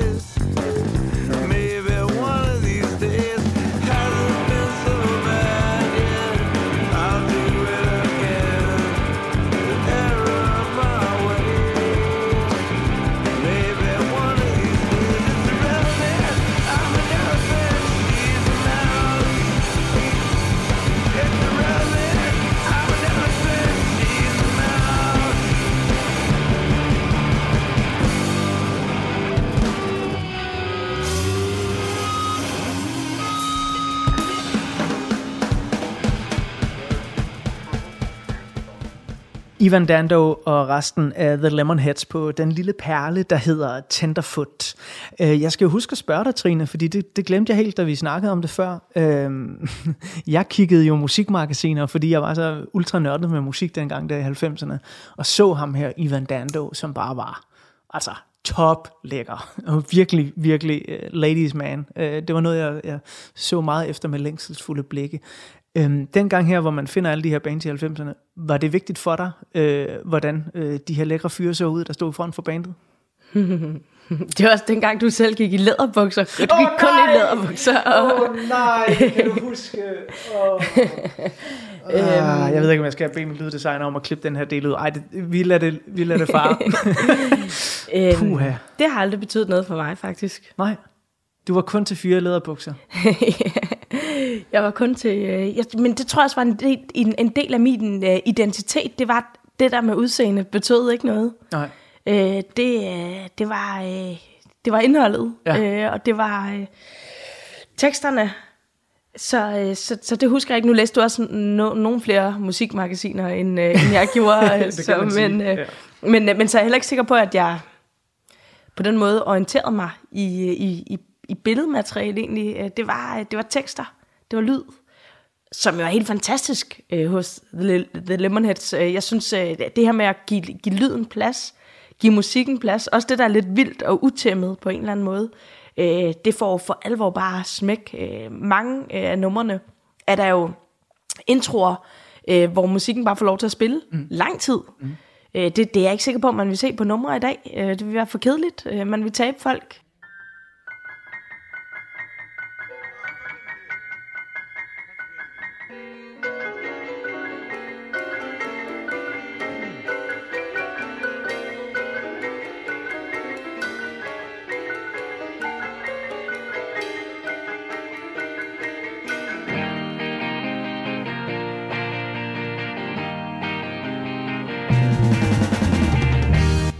Det er sjovt, du har valgt netop det her album, fordi at, at hvis man nu skal tage Lemonhead, sådan, hvad skal vi sige, storhedstid, jamen så nogle af dem, jeg nævnte lige før, uh, Come On, Feel the Lemonhead, så It's a Shame About Ray, det er jo sådan nogle, som, som jeg i mit virke som radiovært uh, altid vil fremhæve, og sidde der sådan og sige, mm, det er noget af det rigtig gode, og sådan. Så jeg har faktisk ikke hørt øh, Car Button Cloth i mange år, øh, før du så ligesom siger, jamen det, det, det skal være den, hvor If I Could Talk, I Would Tell You er på, og så videre. Så hørte jeg albummet, og, og blev sådan helt... Øh, sådan, dels både taget tilbage til, til, til vores fælles ungdom i det sydfynske øhav, men også høre den med en helt anden forståelse den dag i dag, fordi jeg, jeg, jeg tror dengang, jeg har været hvad, øh, en, en 17 år gammel, da jeg hørte den, der har jeg ikke helt forstået det her med, at livet kan have nogle bumper op- og nedture, og en kunstner udtrykker sig på den måde, han vælger at udtrykke sig på på det tidspunkt, fordi han er der, hvor han er i sit liv.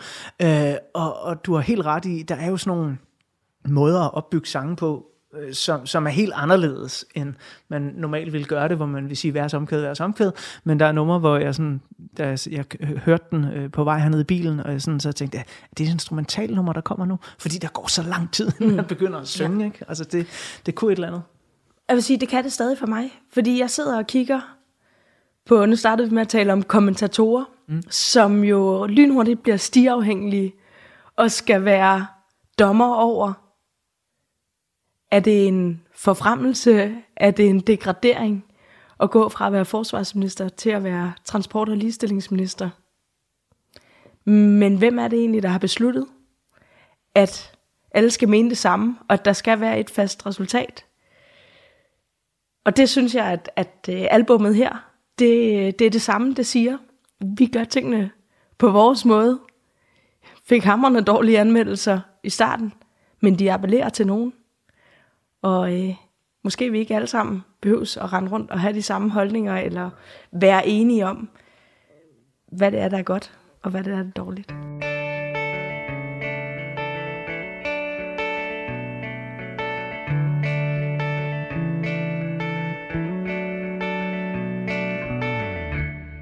I begyndelsen af udsendelsen her, der øh, spurgte jeg dig, hvem Trine Bremsen var i 1997. Det synes jeg, vi har et sådan rimelig klart billede af på mange måder. Men øh, udover alt det, som du kan sige om dit arbejde, med glødende passion, det har vi også lært i løbet af de seneste øh, mange minutter. Hvem er Trine Bremsen så i 2022? Ja, hun er i hvert fald en person, hvor der kan falde en, en bombe ned ud i baghaven, og så øh, tænker jeg, at det løser vi nok. En rolig, et roligt menneske, som øh, har lært, at, øh, at livet det byder øh, på, øh, det, det består af bølger. Nogle gange går det op, og man har vind i, øh, i, i, i, i, cykel, øh, i, cykel, i cyklen, og nogle gange kommer nogen og stikker en kæp ind, og så må man håndtere det, når det er, at, øh, at, at, at man oplever de her pludselige opbremsninger. Sådan er livet, og det tror jeg, uanset om man er minister eller hvad man øh, ellers laver. Så er jeg mor til Inget på tre år, som bringer evig glæde, og som, øh, og som, øh, altså, som har ændret mit, øh, mit liv på, på rigtig mange måder, og som jeg også ved, er det menneske, jeg vil prioritere allerførst til enhver tid. Var du overrasket over, at hun ændrede dit liv på så kraftig en måde, som hun gjorde? Øhm, jeg tror, jeg håbede det. Øh, jeg tror, jeg håbede det. Altså, jeg, og tænkte, at nu havde jeg gået og kigget på min egen næstip i så mange år, at der måtte faktisk øh, gerne komme et barn, som gav livet nogle helt andre prioriteter, og som gjorde mig mindre optaget af det, som jo grundlæggende bare er små ting i livet og små bump, altså, og som gav mig noget meget større. Nu var jeg jo øh, ret øh, gammel, da jeg fik øh, mit, min, min datter, eller 38, så jeg havde set mange andre af mine venner være igennem øh, den, øh, den forandring, som det er at, at få et barn. Øh, men øh, altså, jeg synes, det giver jo mange, det, det, det binder en på mange områder at få et barn, men det giver også en en frihed. Øh, en frihed fra, at man hele tiden går altså så selvoptaget øh, og, og, og har tid til at dykke ned i, i alt muligt småt. Nu øh, sagde du også tidligere, at øh, du ikke skulle være i politik for evigt, og man skulle ikke være minister for evigt. Øh, men det man altid spørger en minister om, Mm. det er jo, om man går efter den største ministerpost. Så Trine Bremsen, har du statsministerdrømme? Nej, det har jeg, det har jeg ikke. Øh, Jeg har, øh, jeg har drømme om at, øh, at, at gøre det godt på det område, hvor jeg sidder nu. Gøre en forskel, trække i den rigtige retning. Og øh, så må jeg se, hvad, hvad, hvad tiden den, den bringer. I politik er der en ting, der er helt sikkert, er, der, man kan aldrig forudse, hvad der sker i morgen. Øh, Og det, øh, det bilder jeg mig i hvert fald ikke ind. Det tror jeg heller ikke, der er nogen af mine kolleger, der bilder sig ind. Øh, Men man kan, kan gøre det så godt og øh, følge sit hjerte, følge sin hjerne, bruge al sin energi øh, til at trække i den rigtige retning, når man har kappen på, øh, og, øh, og, og pludselig har man den ikke på mere.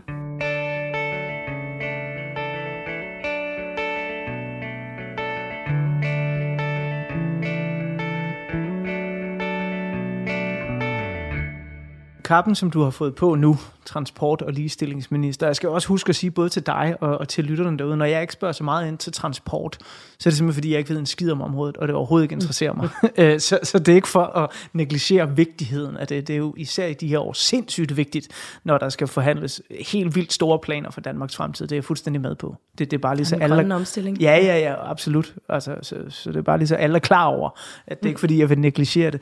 Men øh, regeringen Mette Frederiksen har efterhånden siddet i lang tid, og øh, der kommer et eller andet naturligt tidspunkt, hvor der skal udskrives et valg, og det kan også godt være, at det sker før.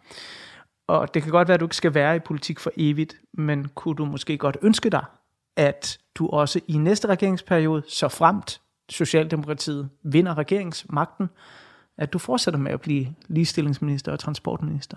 Hmm, jeg er i hvert fald ikke færdig med politik endnu.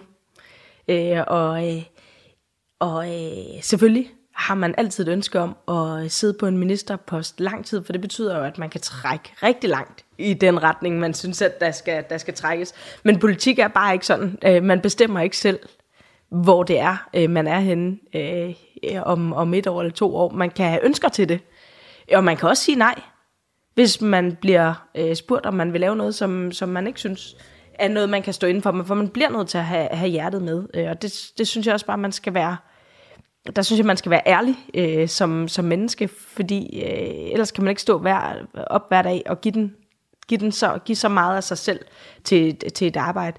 Men, øh, men hvad der kommer til at ske i fremtiden, det kan jeg ikke sige, men jeg kan sige, at jeg stadigvæk har blod på tanden, og jeg er ikke færdig med politik endnu. Jeg har øh, især i, gennem de coronaår, vi nu har været igennem, øh, snakket med flere venner, som øh, virkelig har taget forskellige ting op til overvejelse, når vi nu har haft så delens lang tid til at tænke mm-hmm. over en hel masse ting. Øh, og der har jeg snakket med flere, som sådan har, har luftet lidt ideen om, jamen det kunne være, det var nu, man skulle tage et eller andet større skridt øh, i arbejdslivet, for eksempel. Øh, der er folk, jeg kender, der sådan, øh, har høje stillinger inden for musikbranchen, tænker, der var faktisk en gang, hvor jeg godt kunne tænke mig at blive anlægsgartner. Det kunne være, at jeg skulle prøve at gøre noget ved det nu. Så Trine, hvis, øh, hvis du nu ikke skulle være minister, hvis du nu ikke skulle være inden for politik, hvis det sluttede øh, om et halvt år, hvad ville du så, hvis du skulle noget helt andet? Hmm.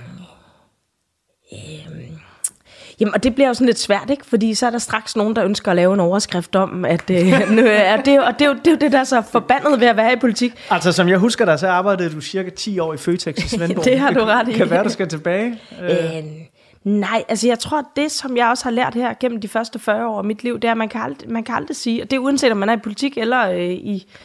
Altså, der er så meget, der er tilfælde i det her liv. Der er så meget, der er tilfælde. Det var et tilfælde, at jeg tog til øh, Indien på det rigtige tidspunkt, og til Nepal og arbejdede på et børnehjem. Det gjorde, at jeg ikke øh, læste dansk, men endte med at læse samfundsfag. Det var et tilfælde, at jeg skrev et special og blev tilbudt et øh, job i et konsulenthus, at jeg stillede op i politik. Altså, der, livet er fyldt med, øh, med muligheder øh, og, øh, og små mirakler. Og jeg tror, det vigtigste, man kan gøre i det her liv, det er i hvert fald noget, jeg bruger meget tid på, det er, at man må ikke se sig, til, man må ikke se sig tilbage. Man må ikke fortryde ting. Fordi så kan man bruge et helt liv på at gå og øh, ævre sig over noget, man ikke gjorde, eller noget, man skulle have gjort på en anden måde. Og det er den eneste ting, det er det eneste princip, jeg har, at, at det kommer jeg ikke til. Men, men øh, livet øh, ligger foran mig. Øh, 40 år, der er masser af år øh, tilbage, og, øh, og masser af muligheder, masser af spændende ting, der, der, der sikkert melder sig derud. Jeg ved bare ikke, hvad det er nu.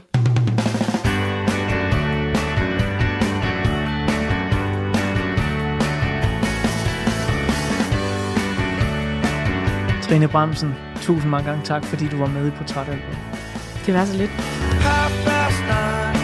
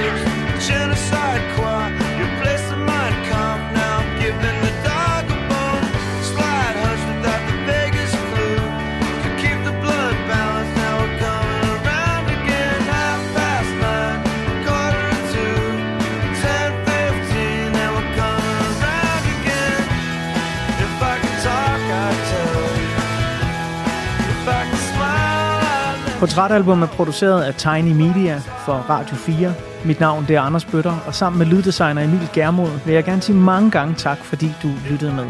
Der er flere portrætter fra programmet her hver fredag 17-19 på Radio 4, eller der, hvor du finder dine podcasts.